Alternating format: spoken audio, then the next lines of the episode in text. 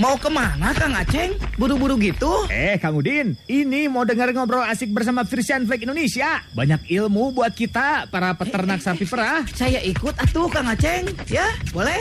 Saatnya ngobrol asik bersama Frisian Flag Indonesia. Persembahan Frisian Flag Indonesia dan Radio Dahlia FM.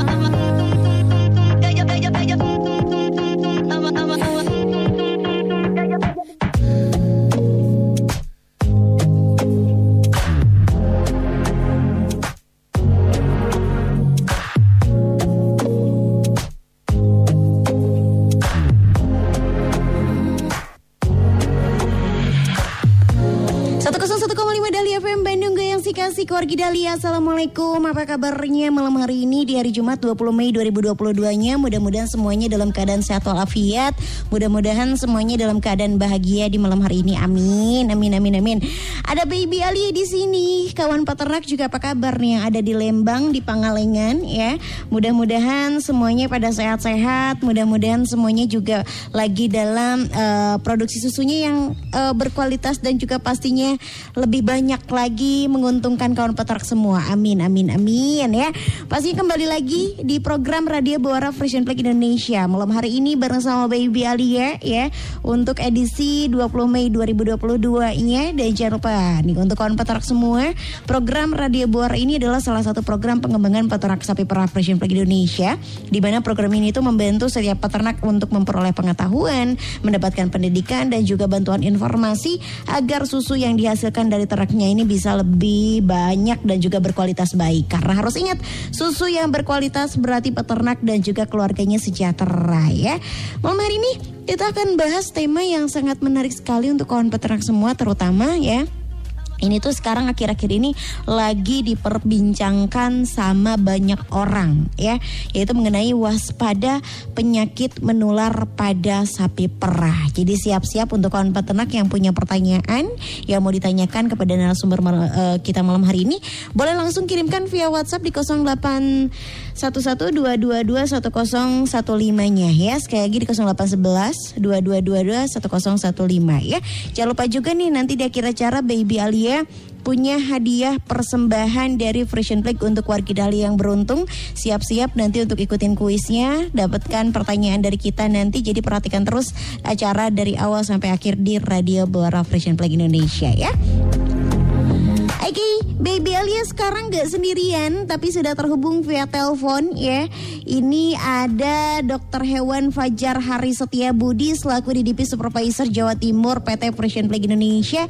Selamat malam Dokter Fajar. Malam, Assalamualaikum. Waalaikumsalam. Gimana kabarnya Dokter Fajar? Sehat ya? Alhamdulillah, Damang. Hmm, Alhamdulillah. Pak Fajar sekarang lagi di mana di Jawa Timur? Iya di Jawa Timur masih. Alhamdulillah ya. Cuaca di sana sekarang lagi musim kemarau atau musim hujan Pak? Musim tidak menentu. Sama dengan hati yang eh, menunggu kepastian dia tidak menentu sebenarnya. Dokter Fajar, ini nanti juga kita akan terhubung dengan Dokter Fatul Bari ya selaku Kabek uh, Keswan KPSBU Lembang. Um, untuk Pak Fatul, Dokter Fatul boleh untuk standby handphonenya ya Pak ya, karena tadi sudah bisa dihubungi tapi sekarang kita masih coba menghubungi Pak Fatul dan kita akan ngobrol-ngobrol mengenai waspada penyakit menular pada sapi perah. Sebelumnya dokter Pajar boleh disapa dulu nih Pak kawan peternak yang di Jawa Barat juga, di Jawa Timur yang lagi pada dengerin malam hari ini. Silakan Pak Dokter.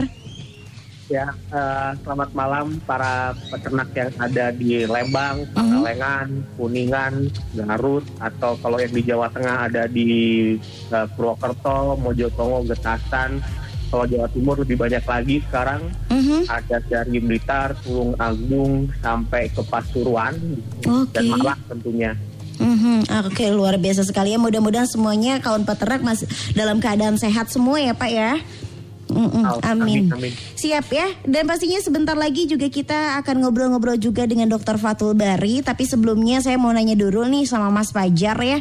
Tema obrolan kita ini mengenai waspada penyakit menular pada sapi perah. Ini akhir-akhir ini menjadi obrolan di masyarakat Indonesia mengenai penyakit pada hewan ternak nih Pak ya, terutama ya. Yang pastinya yang utamanya adalah pada sapi perah. Nah, kenapa nih malam ini akhirnya kita mengangkat tema tentang waspada penyakit menular pada sapi perah. Seberapa penting untuk kita bahas malam ini, Pak? Iya, ini tema yang sangat menarik ya bagi para peternak terutama di Indonesia hari-hari ini gitu ya. Nah, kalau dari kita, kenapa sih kita mengangkat tema ini? Karena yang pertama, sapi perah itu kan eh, salah satu produsen atau kalau kita bisa bilang pabrik gitu ya Mhm. dari makanan yang bernutrisi bagi manusia yang kita tahu itu susu gitu dan hal ini kan sudah dikenal secara luas di dunia apalagi di Indonesia gitu ya nah kenapa kita akhirnya membahas penyakit menular saat ini Mhm. karena ini menjadi tantangan bagi kita di dunia sapi perah bagi peternak bagi koperasi bagi industri dan sebagainya yang dapat terutama yang dapat berefek pada masalah produksi susu gitu Mhm. ada masalah produksi susu, kemudian ada masalah reproduksi nantinya dan tentunya ini ujung-ujungnya akan bermasalah bagi sumber pendapatan para peternak. Gitu. Hmm, oke baik ujung-ujungnya ya kesejahter- untuk kesejahteraan peternak juga ya Pak kita bahas Betul, tema malam hari betul, ini ya. betul. Oke, nanti Baby Ale bakalan tanya sama Dokter Fatul ya. Emang sebetulnya definisi penyakit menular pada sapi perah itu seperti apa? Nanti kita akan bahas lebih dalam lagi tapi sebelumnya ya Mas Fajar sekarang kita akan dengarkan terlebih dahulu mini drama persembahan dari Bewara Fresh Indonesia untuk kawan peternak semua. Ini dia mini dramanya. 101,5 Radio Dahlia FM. Radio nomor 1.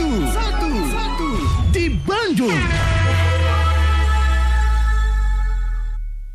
Assalamualaikum mas. Waalaikumsalam. Ya ada Mas Andi. Aduh, lagi sibuk nih. Sapi-sapinya kenapa mas?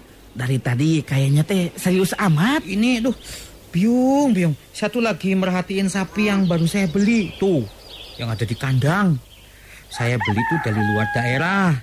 Tapi kayaknya ada yang kurang beres nih sama sapi saya yang baru beli. Kurang beres gimana mas? Kayaknya sapi barunya mah baik-baik aja. Hmm, feeling aja sih ya Kang ya. Ini enaknya digimanain ya Kang. Saya bingung. Eh, buat lebih jelasnya mah minta tolong keswan dari koperasi aja tuh mas. Untuk bantu periksa sapi yang baru dibeli. Soalnya saya kemarin baru dari koperasi mas. Dan dapat info. Kalau kita beli harus lebih hati-hati. Terutama yang berasal dari luar daerah. Oh iya. Kenapa emangnya Kang? Katanya sih supaya jangan sampai sapi yang kita beli kena penyakit menular. Waduh, penyakit menular. Bagaimana maksudnya, Kang? Ya ampun. Terus ini penyakitnya mematikan atau tidak ini? Aduh, mendingan mah kita tanya ke dokter hewan di koperasi aja tuh mas. Supaya lebih jelas, tidak salah infonya. Dan kita juga bisa belajar bareng-bareng. Kebetulan saya juga ada rencana mau beli sapi baru. Ya wes, ayo sekarang aja kita ke koperasi, Kang. Mumpung masih belum terlalu siang. Assalamualaikum, Pak Dokter Agus. Duh, Waalaikumsalam. Wah, ada Mas Bagas sama Kang Handi nih. Sun Sewu nih, Pak Dokter. Sedang sibuk nggak? Ini ada yang mau kami tanyakan soal sapi perah. Kebetulan, saya juga baru nyampe. Apa ada yang bisa saya bantu? Sapinya Mas Bagas dan Kang Handi kenapa? Ini Pak Dokter, kebetulan Mas Bagas teh baru beli sapi dari luar daerah. Dan dia teh merasa kayak ada yang kurang beres dengan sapinya teh. Saya teh jadi inget info kemarin yang saya dengar. Kalau mau beli sapi, terutama dari luar daerah, harus lebih hati-hati. Karena khawatir kena penyakit menular. Bisa tolong dijelasin lagi nggak Pak Dokter? Betul, Kang Handi. Kenapa? Karena sapi dari luar dapat membawa dan menularkan penyakit, Kang. Karena itu, pastikan sapinya sehat. Pastikan konformasi sapinya juga bagus dan tidak ada tanda-tanda penyakit tertentu, Kang. Selain itu, jangan beli dari daerah yang sedang ada wabah atau kejadian penyakit menular atau endemik, Kang. Ikuti petunjuk dari koperasi seperti poster atau edaran. Jika memungkinkan, ada bukti hasil pengecekan bahwa sapi sehat dari penjual. Tidak hanya itu Kang, ketahui juga riwayat sapi dengan mengecek ke petugas keswan koperasi. Setelah dibeli, sebaiknya diisolasi atau dikarantina sapinya terlebih dahulu, Kang. Ya, beberapa hari lah sebelum digabung dengan sapi lain. Nah, biar lebih jelas dan amannya, akan lebih baik jika memelihara ternak sapi dari pedet untuk dijadikan calon indukan. Memangnya sapi yang baru dibeli Mas Bagas kenapa? Kayaknya sih agak kurang sehat gitu Pak Dokter. Tadinya saya pikir mungkin baru datang dari luar kota, adaptasi di kandang baru. Jadi agak lesu. Tapi kok ya gitu Pak Dokter. Setelah mendengar penjelasan Pak Dokter, saya malah jadi tambah khawatir ya. Jangan-jangan sapi saya itu kena penyakit menular gitu yang sekarang ini sedang happening. Biar jelas dan nyaman buat Mas Bagas, gimana kalau sekarang kita cek sapinya Mas Bagas di kandangnya? Kalau ternyata memang sapinya kurang sehat, atau bahkan memang kena penyakit menular, bisa segera kita carikan solusinya supaya tidak sampai fatal akibatnya, Kang. Wah, bahaya juga tuh ya. Penyakit menular ini teh bisa menular ke siapa aja sih, Pak? Ada jenis penyakit menular yang bisa menular ke hewan ternak lain dan juga ada yang bisa ke manusia, Kang. Nah, untuk jelasnya, Sabtu sore besok akan ada penyuluhan di sini, Kang, untuk seluruh peternak anggota koperasi. Jadi, jangan sampai gak datang, Kang. Ya, Mas Bagas, Kang Handi. Siapa, dokter? Nah, sekarang kita ke tempatnya Mas Bagas yuk. Ayo. 101,5 Radio Dahlia FM. Radio nomor 1. 1. Di Bandung. Masih bersama Baby Alia di Radio Bawara Frisian Flag Indonesia Dan kawan peternak semuanya yang ketinggalan ya nggak usah khawatir karena kita belum membahas pokok intinya mengenai waspada penyakit menular pada sapi perah Kalau tadi Baby Alia udah kenalin Dr. Fajar Hari Setia Budi selaku DDP Supervisor Jawa Timur PT Frisian Flag Indonesia Nah malam hari ini juga Baby Alia juga sudah terhubung nih warga Dahlia ya dengan Dr. Fatul Bari selaku Kabas Keswan KPSBU Lembang Wilujeng wengi Kang Fatul. Wengi Bu. Iya, alhamdulillah sehat juga. Gimana ini lagi di sekitar Lembang, Pak Dokter? Iya, sekitar Lembang Iya. di Kampung Manoko nih. Oh, luar biasa lagi di Manoko nih. Lagi pada pantengin juga para peternak di Manoko ya. Iya. Oke. Iya. Tadi saya tadi saya sempat bahas sama Mas Fajar mengenai tema obrolan malam ini mengenai waspada penyakit menular pada sapi perah. Tapi saya pengen tahu dari Dokter Fatul nih, bisa tolong dijelaskan sama kawan peternak semua sebenarnya apa sih definisi penyakit menular pada sapi perah ini? Penyakit menular itu kan sebetulnya menurut apa ndah Undang-Undang 18 tahun 29 juga ada kata veteriner ya di sana juga dijelaskan bahwa segala urusan yang berkaitan dengan hewan dan penyakit hewan. Nah, kalau kita pilih penyakit hewan menular itu adalah penyakit ya akibat interaksi lah katakanlah begitu ya. Agen penyakit katakanlah mikroorganisme hidup ya itu salah satunya adalah virus, bakteri atau protozoa dengan manusia atau hewan dan lingkungan. Itu di antaranya mungkin. Dan saya kira pemerintah juga udah membatasi ya ada istilah PHMS ya penyakit hewan menular strategis dan dikerucutkan lagi kalau di Jawa Barat dan daerah lain ya salah satunya ada istilah rabah ya rabah itu ter- apa eh, singkatan dari nama penyakit tersebut ya. Salah satunya adalah rabies ya. Kemudian antrak brucellosis ya avian influ- avian influenza ya. Kemudian juga hog kolera. Nah salah satunya mohon maaf di KBB ini katakanlah di Bandung Barat atau koperasi hog kolera ini kan tidak ada babi ya di kami jadi diganti dengan helmin helminthiasis jadi kecacingan gitu mungkin Oke, baik ya. sementara Mhm, Oke, ini Baby Ali menemukan fakta nih menurut eh, Profesor Mustafa Helmi FN, FNC dari Fakultas Kedokteran Hewan Universitas Erlangga menyatakan bahwa penyakit menular termasuk PMK ini bisa menular melalui hewan ternak terjadi melalui kontak langsung maupun tidak langsung. Penularan secara langsung ini dapat melalui droplet terus juga leleran cairan serpihan hidung dan juga serpihan kulit pada hewan yang terinfeksi, terinfeksi virus ya. Sementara itu penularan secara tidak langsung terjadi pada uh, vektor hidup ya yaitu manusia dan juga hewan lainnya. Virus yang menempel ini juga menular melalui mobil pengangkut ternak, peralatan alas kandang dan lainnya. Selain itu virus ini dapat menyebar melalui angin di daerah beriklim khusus dan bisa mencapai radius 60 km di darat dan 300 km di laut. Bagaimana dengan statement ini Pak Dokter Fatul? Apakah setuju atau ada yang mau ditambahkan? Saya saya setuju ya karena itu para ahli ya dan mohon maaf kami juga lahir bukan di generasi PMK gitu ya. Oke. PMK ini udah udah bebas itu kan menurut I, apa di IO itu kan 1990 ya dan baru lahir kembali ini udah 36 tahun kan itu. Jadi saya sangat setuju ya. Jadi saya setuju dengan PMK ini tapi saya kira kita dengan jangan terlalu panik ya. Kenapa? Karena ini kan morbiditasnya aja. Jadi angka kesakitannya yang tinggi. Kemudian mortalitas, angka kematiannya itu hanya 1 sampai 5 persen lah. Jadi asal kita tadi dikatakan kan bisa apa namanya eh, penyebaran itu berbagai macam cara ya. Saya kira kewaspadaan kita sebagai peternak, kita sebagai petugas, asal kita bisa menjaga kebersihan ya, Mhm. insya Allah lah ini bisa kita kita tangani dan kita selesaikan. Mhm, Gitu. Apalagi oke. mungkin nanti kalau ini misalnya berlanjut kan mungkin pemerintah juga akan lebih bertindak katakanlah apa namanya dengan vaksinasi Iya, gitu iya. kan mungkin juga ditambah dengan lalu lintas dan segala macamnya mungkin yang akan di apa diarahkan oleh pemerintah. Kira karena penyakit ini kan saya kira apa namanya domainnya pemerintah ya itu juga Mhm, betul. pasti kita menunjuk arahan-arahan dari pemerintah itu Mhm. mungkin sementara. Jangan terlalu panik berarti untuk kawan peternak semua ya.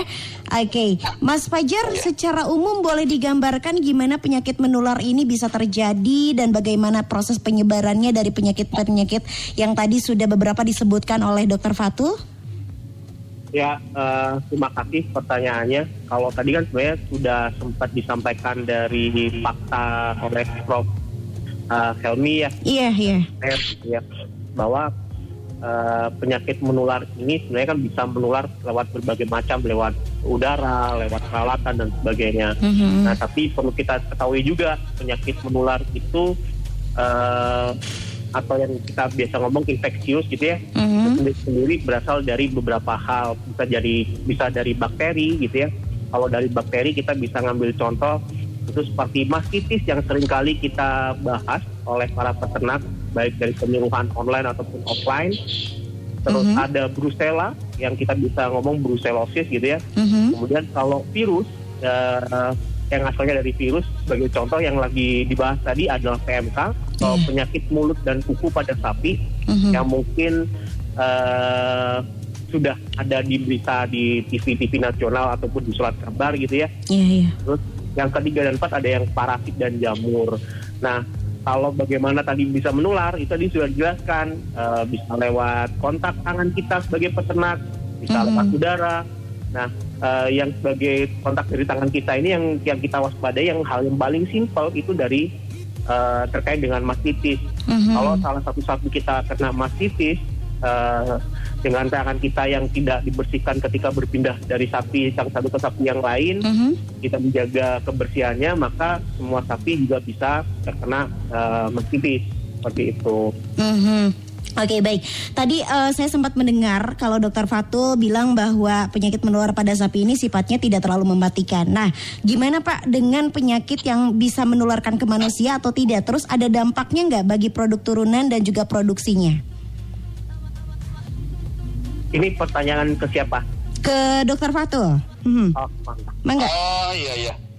Eh perlu diingat juga ya. Saya kira nggak nggak ada juga yang mematikan. Kalau Hmm. kalau tadi yang tidak mematikan adalah PMK ya. Karena Iya. ini juga kalau para ahli bilang ini kan penyakit eksotik juga ya, penyakit Mhm. yang katakanlah belum pernah atau sudah dibebaskan tapi muncul kembali itu penyakit eksotik. Saya kira khususnya dengan PMK ini sangat sangat berpengaruh sekali ya terhadap produksi susu karena apa? Mhm. Ini kan yang diserang adalah mulut gitu ya. Oke. Mulut itu kan tempat makan gitu kan dia bermastikasi dia memasukkan makan kalau misalnya mulut terganggu ya secara otomatis juga saya kira kan produksi itu juga sangat dipengaruhi dengan dengan makanan yang dimakan oleh sapi. Kemudian juga kaki. Kalau kaki udah terkena ya secara otomatis kan rubuh ya. Beban dia untuk apa, menahan beban tubuhnya jadi jadi tidak kuat. Secara otomatis juga sangat berpengaruh. Jangankan penyakit mulut dan kuku. Penyakit sekecil apa pun pasti akan berpengaruh terhadap produksi. Apalagi ini penyakit mulut dan kuku gitu. Mhm. Nah itu mungkin. Apakah bisa terjadi penularan kepada manusia atau kepada peternaknya sendiri, Pak? Eh, bisa bu. Bisa. Makanya kan kita juga di tingkat peternak ada katakanlah SOP segala macam ya. Makanya harus menjaga kebersihan gitu kan. Manusia juga bisa menjadi sebagai carrier gitu. Jadi ini juga tolong dengan bapak-bapak peternak ibu-ibu gitu kan. Harus menjaga kebersihan. Jangan sampai sapi yang kita miliki itu tertular oleh kita sendiri gitu kan. Iya, iya, betul. Ya, kayak covid lah. Kayak kayak kebersihannya tuh ya kayak kita menghadapi covid kemarin lah. Kita belajar dari covid lah seperti itu. Saya kira bisa diaplis apa diaplikasikan. Dan untuk biosecurity juga saya kira kan ini virus ini kan eh, tidak tahan terhadap asam gitu kan. Banyak sih ya cuka baso yang kita sering makan juga itu Iya. bisa jadikan desinfektan Oke. kemudian sitrun gitu kan. Itu itu juga bisa dimanfaatkan Mhm. dengan aturan-aturan yang yang sudah diatur oleh para ahli. Saya kira seperti itu. Oke baik Mas Fajar barusan kita sudah dengar gimana dampak penyakit menular terhadap turunannya juga Eh, Kalau dampak terhadap peternak terutama dari sisi pendapatan mereka sejauh ini seperti apa Mas Fajar? Ya, kalau dampak dari sisi pendapatan tentu saja ada gitu ya, Teh. Mhm. Karena eh, kalau kalau saya ingin jelaskan sih saya bagi jadi dua gitu ya. Eh, ada yang merugikan da- bagi peternak secara langsung maupun tidak langsung gitu. Kalau yang secara langsung pasti akan berefek langsung ke eh, ke produksi susu. Itu bisa karena mastitis ya. Kemudian kalau kita ngomong demam tinggi itu juga bisa langsung menurunkan produksi. Nah, demam tinggi ini kan juga kalau kita nyambung ke PMK atau penyakit mulut dan kuku yang yang mungkin juga dibahas oleh Dr. Fatul sebelumnya itu juga salah satu gejalanya adalah demam yang tinggi. Mhm. Kemudian eh, eh, kita biasanya juga melihat kalau dampak secara langsung apa ketika sapi itu merasakan kesakitan pasti langsung ke produksi juga gitu. Mhm. Nah, itu kalau dampak secara langsung bagi peternak yang langsung terlihat secara ke, ke produksi dan keuangan gitu ya. Kalau yang secara nggak langsung itu tidak terlihat saat itu juga, tapi akan dirasakan eh, dari waktu ke waktu. Sebagai contoh nih, eh, efek terhadap reproduksi. Ketika eh, punya masalah reproduksi, maka kita sebagai peternak tidak punya pedet, kemudian Mhm. produksi akan secara perlahan menurun seperti itu. Mhm. Oke baik. Kemudian dan tentu saja ada resiko kematian walaupun tadi yang disampaikan oleh Dr. Fatul resikonya masih di taraf 1 sampai 5% untuk beberapa penyakit. Seperti itu. Oke baik ya Dokter Fatul dan juga Dokter Fajar nanti kita akan bahas lebih lanjut dan ini juga eh, kawan peternak yang sudah bertanya sudah banyak sekali nanti kita akan bacakan beberapa pertanyaan yang sudah masuk dari kawan peternak kita break dulu sejenak jangan ke mana-mana wargi Dahlia dan juga kawan peternak semuanya masih di Radio Bora Frisian Flag Indonesia. Asik-asik masih di Radio Bora Frisian Flag Indonesia dan malam hari ini kita masih membahas mengenai waspada penyakit menular pada sapi perah ya.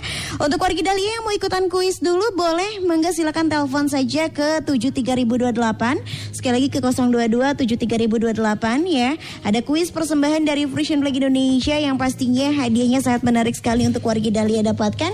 Ada siapa ini? Halo Radio Bora Frisian Flag Indonesia. Asik atuh prung ah go go goyang Sama siapa ini? sama ini segmen Kak Baby Teh Yani belum menang nih. lu Belum. Teh Yani gampang banget pertanyaannya. Coba sebutkan salah satu jenis penyakit menular antara hewan dan dari hewan ke manusia seperti yang tadi sudah dijelaskan sama dokter-dokter malam hari oh ini. itu Kak Baby ya rabies Mhm. Terus influenza apa sih itu? Naon Terus flora, apa Mm-mm. Flora dan fauna. bukan flora, ih baby bukan flora.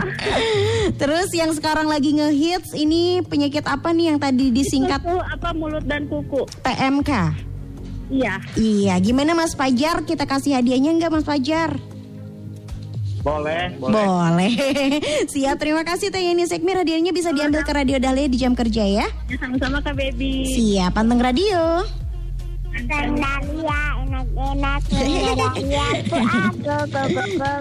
Langsung ada dedenya. Terima kasih. Eh, terima kasih banyak ya sayang cinta baby ya. Itu eh Denny Denny Denny. terima kasih Teh Yeni. Ya, luar biasa malah Mas Fajar yang aku matiin teleponnya. ya ampun Mas Fajar kita coba hubung kembali. Maafkan ya bukannya wargi Dahlia yang dimatiin teleponnya malah Mas Fajar ya. Oke luar biasa ya. Kita masih membahas seputar dampak penyakit menular terhadap ada produk turunannya juga dan sebagainya tadi sudah dibahas. Nah dokter Fatul ini kita sudah ada beberapa pertanyaan dari kawan peternak. Saya bacakan ya Pak dokter. Boleh nanti langsung dijawab saja ya Oke. Oke baik. Ini dari Kang Hermawan Susanto dari TPK Cilumber ya. Yang pertama pertanyaannya, Pak saat lagi musim peny- penyakit PMK kayak gini, yang pertama perlukah sapi yang kita beli baru untuk langsung dikarantina terkait kekhawatiran adanya penyakit menular yang mungkin dibawa dari luar. Kalau memang harus dikarantina, prosedur karantinanya karantinanya seperti apa katanya. Terus yang kedua, apakah musim peralihan seperti sekarang ini bisa ikut memicu juga penyebaran penyakit menular pada sapi? Boleh Dokter Fatul mangga untuk dijawab. Ini saya kira di peternak Cilumer keren ini ya Iya keren, pertanyaannya. bener-bener Pak. Udah tahu karantina gitu kan. Saya kira ini luar biasa lah perkembangan pengetahuannya. Terima kasih. Belajar dari Jadi COVID kemarin mungkin ya Pak ya. diperlu- emang diperlukan lah. Uh, kalau karantina itu kan uh, ini ya selain karantina juga ada bahasa namanya isolasi ya. Idealnya sih emang dipisahkan dulu ya. Apalagi hubungannya dengan PMK ini ya. Saya garis bawahi bahwa PMK ini bukan zoonosis ya. Kalau misalnya produk turunannya katakanlah di proses dengan baik kayak daging dan susu itu jadi aman buat kita. Nah, kembali lagi ke karantina. Ingat masa inkubasi bahwa PMK ini ada yang mengatakan 1 sampai 14 hari. Malah tadi di Bincang Cikole gitu ya, saya mendengarkan dan ikut bahwa PMK itu 8 hari misalnya kalau muncul gejala lepuh-lepuh di mulut ya, kemudian di kaki 8 hari kalau kita obatin itu juga bisa sembuh. Nah, itu juga apa namanya eh, meyakinkan kita lah, sebagaimana tadi dikatakan bahwa em, kematiannya itu rendah lah seperti itu. Mhm. Nah, untuk hal tersebut, saya kira untuk saat ini, misalnya kalaupun memasukkan sapi, ya katakanlah beli ya, ya kalau sekarang itu emang lagi gencar ya pasti harus dilengkapi dengan yang namanya surat keterangan kesehatan hewan. Mhm. Nah ini juga harus eh, para peternak perhatikan. Ya minimal lah dibantu dengan petugas seperti gitu. Nah untuk sekarang ini ya saya kira sangat berpengaruh ya. Saya kira penyakit ini berpengaruh akan berpengaruh besar kalau gitu kan tadi dikatakan bahwa lalu lintas ya lalu lintasnya makanya perlu kesadaran semua pihak gitu ya. Mhm. teman-teman penjual ya pedagang juga harus sadar gitu kan. Katakanlah beginilah sebelum menjual sapinya juga harus benar-benar dicek oleh petugas. Kendaraannya juga harus didesinfektan seperti gitu Mhm. jadi saya kira semuanya akan berpengaruh lah apalagi di kondisi sekarang apalagi kita kan mau menghadapi kurban Bener-bener. tolonglah gitu ya teman teman-teman gitu ya para penjual ayo sama-sama belajar lah sama-sama kita mengikuti aturan yang disyaratkan oleh pemerintah itu mungkin bu sementara Oke baik. Nah kalau untuk faktor cuaca apakah berpengaruh juga Bapak katanya terhadap penularan eh, para pen- penyakit sapi ini? Cuaca ya kalau dilihat eh, khususnya untuk PMK ya. Mhm. jadi sensitivitasnya itu PMK itu kan eh, aktif itu kan di pH 6 sampai 9 ya dan ingin inaktif itu di pH kurang dari 6 dan lebih dari 9 gitu kan. Kemudian juga eh, apa namanya virus ini mati ya pada suhu ya lebih dari 50 derajat. Makanya nanti kalau misalnya kurban kita masak daging di atas 50 dan waktu 30 menit itu apa namanya eh, si virus itu udah mati. Tapi jangan lupa diingat bahwa kelembaban ya lebih dari 70 itu ini juga apa namanya si virus ini tahan gitu kan. Nah, jadi ya kita perlu waspada lah, waspada lah cuaca seperti gini seperti apa. Dan sebenarnya eh, para ahli juga udah udah apa namanya memberi penjelasan. Katakanlah pada PSS gitu kan, pada PSS kering aja itu si virus itu bisa tahan 14 hari. Waduh. Kemudian di seluruhnya. Makanya ini perlu perlu kesadaran semua saya kira. Kalau wabah ini ingin cepat selesai ya seperti Mhm. gitu. Kalau bahasa agama itu tolonglah jangan saling mendolimi katanya takutnya Iya. malah mendolimi gitu ya. Mhm, betul. Makanya kami dengan Pak Ketua itu, ayolah jangan menunggu virus datang lah. Ayo kita sama-sama lah berkontribusi untuk mencegahnya. Gitu itu itu saran-saran dari apa namanya bapak-bapak pengurus ya Mhm. mungkin. mungkin Oke, saya baik. Siap, siap. Dokter Fatul ini juga ada beberapa yang sudah mengirimkan pesan WhatsApp yang kurang lebihnya pertanyaannya sama karena katanya di KPBS ini sudah eh, terdeteksi atau sudah ada penyakit eh, PK PMK itu katanya. Bagaimana penanganan yang harus kami lakukan katanya supaya kami tidak panik. Terus ada tidak program dari pengurus setempat untuk melakukan steril, eh, di disterilisasinya gitu ya untuk bisa me- membuat para peternak merasa aman dan nyaman gitu.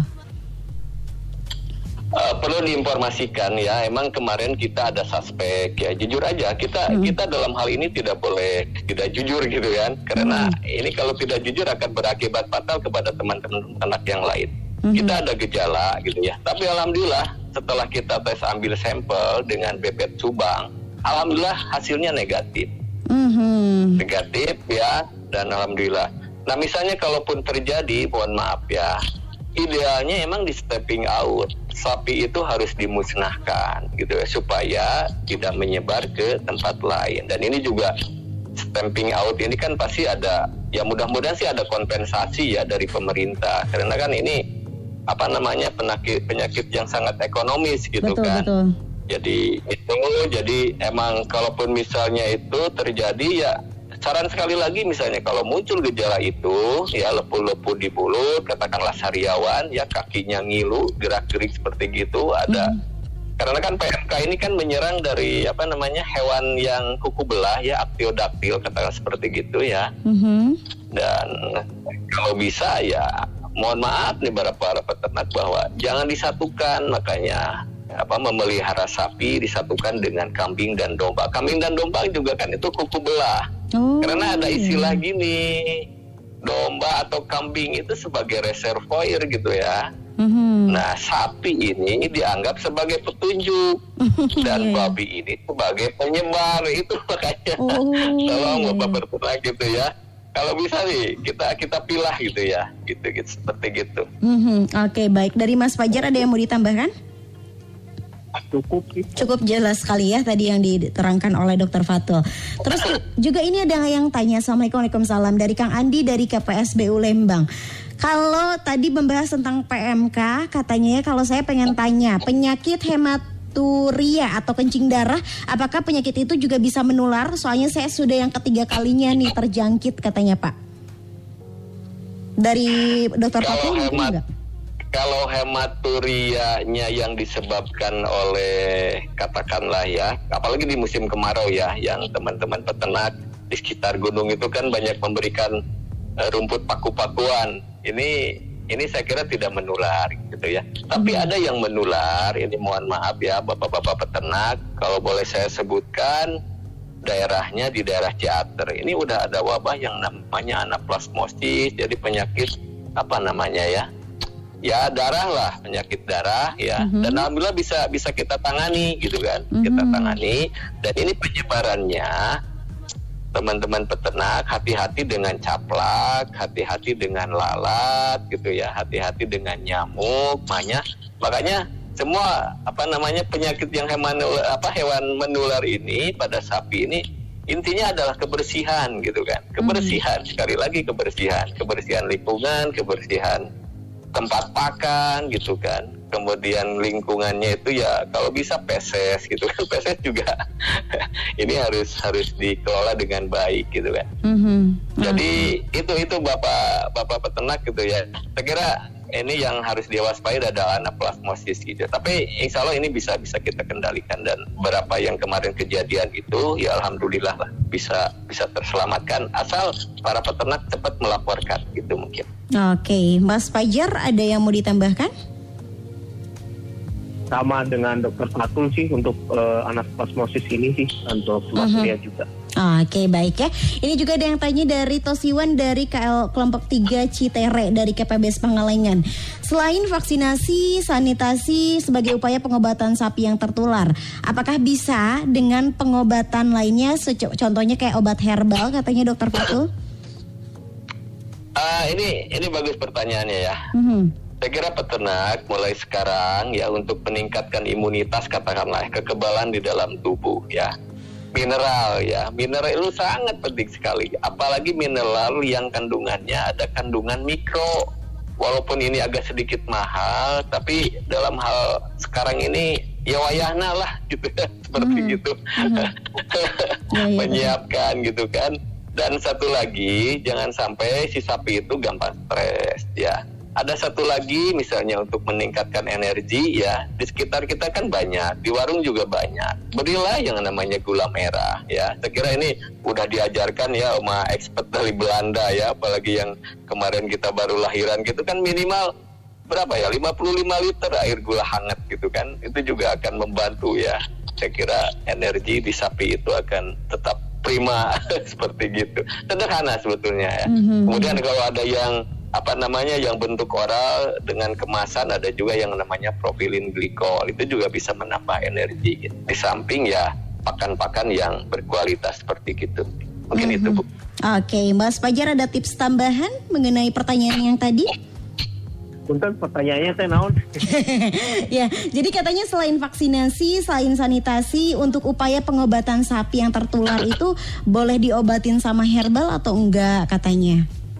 Ya boleh saja untuk mendukung eh, apa kondisi badan sapinya ya Mhm. terutama yang yang memang yang disarankan yang sesuai dengan saran dari teman-teman dokter hewan Ketwan atau juga kalau di level peternak tadi juga sudah disebutkan terkait dengan gula kemudian juga jangan lupakan mungkin memang ada vitamin yang vitamin-vitamin yang herbal bisa jadi temulawak dan sebagainya untuk menambah eh, apa nutrisi dari hewan atau sapi tersebut agar bisa nafsu makannya kembali pulih dan sebagainya gitu. Mhm, Oke baik ya. Terus juga ini tadi ada yang tanya juga Pak katanya selain uh, penyakit PMK yang sekarang lagi ditakutin sama peternak adalah penyakit brucellosis. Itu sebetulnya apa yang menyebabkan penyakit itu dan apakah benar bisa menular ke manusia? Katanya Dokter Fatul. Brucella itu disebabkan oleh bakteri ya bakteri. Dan ini juga salah satu penyakit yang menjadi perhatian pemerintah gitu ya. Dan ini juga apa ya namanya kalau dari segi ke manusia sih eh, jarang dilaporkan gitu ya. Tapi yang paling bahaya ini eh, ini penyakit yang sangat ekonomis gitu ya mengganggu perekonomian. Ya terutama ini yang menyebabkan si sapi itu bisa abortus gitu kan bisa abortus. Dan ini juga kita alhamdulillah sih udah bertahun-tahun kita melakukan vaksinasi dan prevalensinya udah agak sedikit menurun gitu ya menurun. Dan ini juga emang apa namanya kembali lagi ya idealnya itu kembali lagi ke pertanyaan tadi bahwa untuk beli-beli sapi ya idealnya itu emang harus dicek darah dulu lah. Kerjasama aja dengan kita para petugas misalnya bapak peternak pingin beli nih tapi dari katakanlah di penjual si A kita perjanjian aja dulu katakanlah seperti gitu ambil darahnya kasihkan ke petugas gitu kan. Nanti kami aja yang bisa apa yang katakanlah membantu untuk membayar ke ke laboratorium dan murah itu. Nah ya misalnya udah negatif udah negatif baru perjanjian itu ya sama peternak dibeli gitu kan. Dan kembali lagi ya kebersihan kebersihan di apa di di lingkungannya tadi. Karena ini juga dapat menular ke sapi yang lain gitu kan. Klosianya itu ya kotorannya itu. Kotorannya itu misalnya terpapar katakanlah ke tempat pakan ya ataupun misalnya petugas kurang bersih legal artis juga ini juga bisa menularkan Hmm. makanya saran gitu dalam hal mewaspadai penyakit ini gitu kan Iya, penyakit iya. yang ada di sapi Betul sekali ya. Oke baik karena keterbatasan waktu pertanyaannya cukup sampai di sini yang kita bacakan tapi jangan khawatir untuk kawan peternak yang pertanyaannya belum terbacakan nanti akan dibalas secara langsung via WhatsAppnya masing-masing ya. Jadi jangan ragu untuk mengirimkan pertanyaan pada setiap episode di Radio Bawara Fresh Flag Indonesia ini ya. Baik Biala akan pilih salah satu peternak yang mendapatkan hadiah persembahan dari Persian Flag. Selamat untuk Pak Tosiwan dari kelompok 3 Citere KPBS Pangalengan. Untuk hadiahnya bisa diambil di koperasi terdekat ya dan pastinya terakhir mungkin dari Dokter Fatul terlebih dahulu kesimpulan yang mau disampaikan untuk mengingatkan para peternak untuk bisa tetap tenang namun tetap waspada untuk menghadapi penyakit menular pada sapi perah ini. Silahkan Dokter Fatul kesimpulannya. Eh, yang pertama tadi kan dikatakan adalah ada penyakit hewan strategis ya. Kalau kita runut dari penyakit itu kan ada 25 jenis sebetulnya itu. Mhm. Dan yang paling harus kita waspadai adalah yang ke sapi itu adalah kurang lebih 17 ya. Jadi ini yang harus menjadi perhatian kepada para peternak gitu kan. Kemudian juga eh, sebagai tambahan ya untuk khususnya buat PMK untuk desinfeksinya gitu kan nanti bapak-bapak penyuluh juga akan menyampaikan dan saya kira sangat murah lah dan bisa dijangkau oleh para peternak Mhm. untuk apa mewaspadai supaya PMK ini tidak tidak menyebar ke mana-mana kita kan seperti itu. Mhm. Saya kira apa ya ya perlu kewaspadaan lah dari semua pihak dan perlu kesadaran dari kita bersama lah supaya PMK ini cepat selesai gitu mungkin. Oke baik kalau dari Dokter Fajar eh, kesimpulan yang mau disampaikan mangga? Ya, eh, tema kita malam ini kan terkait dengan penyakit menular pada sapi perah. Nah, penyakit ini eh, memang akan merugikan kita sebagai peternak gitu ya. Banyak berbagai macam penyakit menular tadi yang saya sudah saya sampaikan ada mastitis, brucellosis ataupun yang saat ini lagi ramai dibicarakan terkait dengan penyakit mulut dan kuku. Nah, eh, hal yang bisa kita lakukan sebagai peternak tentu saja eh, pencegahan gitu. Seperti yang sering bisa sering kali disampaikan oleh orang-orang dulu ya, mencegah lebih baik daripada mengobatin gitu ya. Mhm. Nah, apa sih yang bisa eh, dilakukan peternak untuk mencegah gitu ya? Mhm. Macam-macam sebenarnya, yang terutama terkait dengan kebersihan kandang gitu. Kebersihan kandang ini tidak hanya kebersihan terkait dengan lantai sapinya, tapi juga kebersihan kandang secara umum. Sebagai contoh nih, para peternak kalau sebelum melakukan pemerahan, cuci tangan terlebih dahulu, terus kemudian cek kebersihan lingkungan sekitarnya, karena dengan eh, kandang yang kotor dan lembab itu juga sebagai salah satu tempat untuk penyakit eh, bakteri, eh, virus dan sebagainya bisa untuk bersarang seperti itu.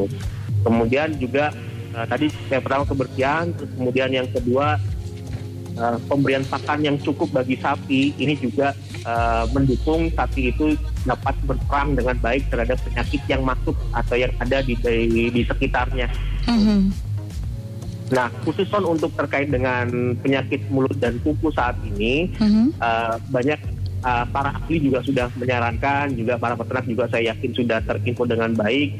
Eh, sebaiknya saat ini eh, disarankan menghentikan atau meminimalisir untuk pembelian sapi sapi dari kandang yang lain atau dari eh, pasar hewan atau dari tempat-tempat lainnya gitu ya. Mhm. Jadi saat ini eh, sebaiknya peternak merawat sapi yang ada saat ini di kandang dengan dengan pakan yang baik, dengan cara-cara yang baik, cara pemeliharaan yang baik, sehingga eh, aman saat ini.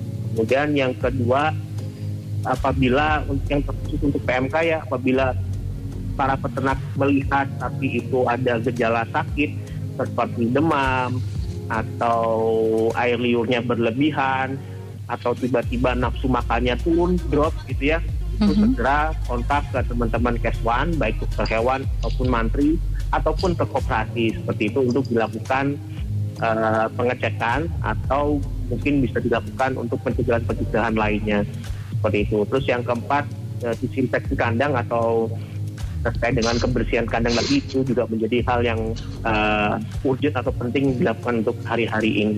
Itu sih, Teh. Mhm, Oke, tetap tenang tapi harus tetap waspada juga untuk kawan peternak semuanya ya untuk Betul. menghadapi penyakit menular yang sekarang sedang diperbincangkan oleh banyak orang dan pastinya jangan lupa gali informasi sebanyak-banyaknya di lingkungan sekitar dan tetap menjaga kebersihan itu yang utama untuk kawan peternak semua. Terima kasih banyak ya untuk Dokter Fatul, Dokter Fajar untuk waktunya malam hari ini. Mudah-mudahan diberikan kesehatan selalu ya. Amin, amin. Baik. Amin. Siap, terima kasih banyak Dokter Fatul dan juga Dokter Fajar. Selamat malam. Selamat malam. Iya, alhamdulillah ya wargi Dahlia itu tadi obrolan seru bersama dengan Dokter Fatul dan juga Dokter Fajar ya yang sudah membahas tuntas mengenai waspada penyakit menular pada sapi perah.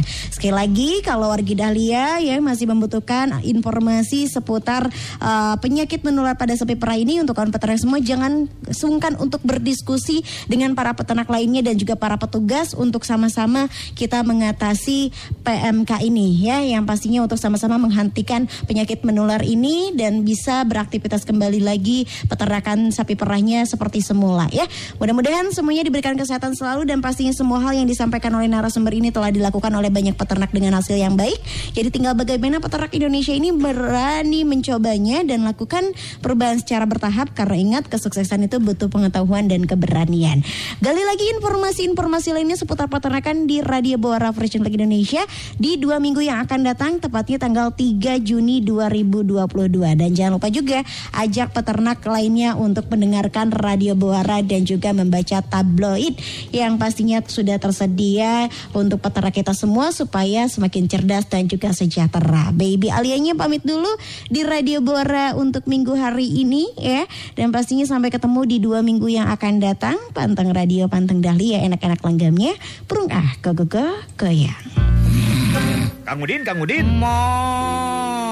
Kang Udin mah, hayu atuh Kang pulang. Ngobrol asik bersama Frisian Flag Indonesia-nya udahan. Terus gimana tuh saya? Tenang, ngobrol asik barengan Frisian Flag Indonesia bakalan balik lagi tiap hari Jumat dua minggu sekali. Persembahan Frisian Flag Indonesia dan Radio Dahlia FM.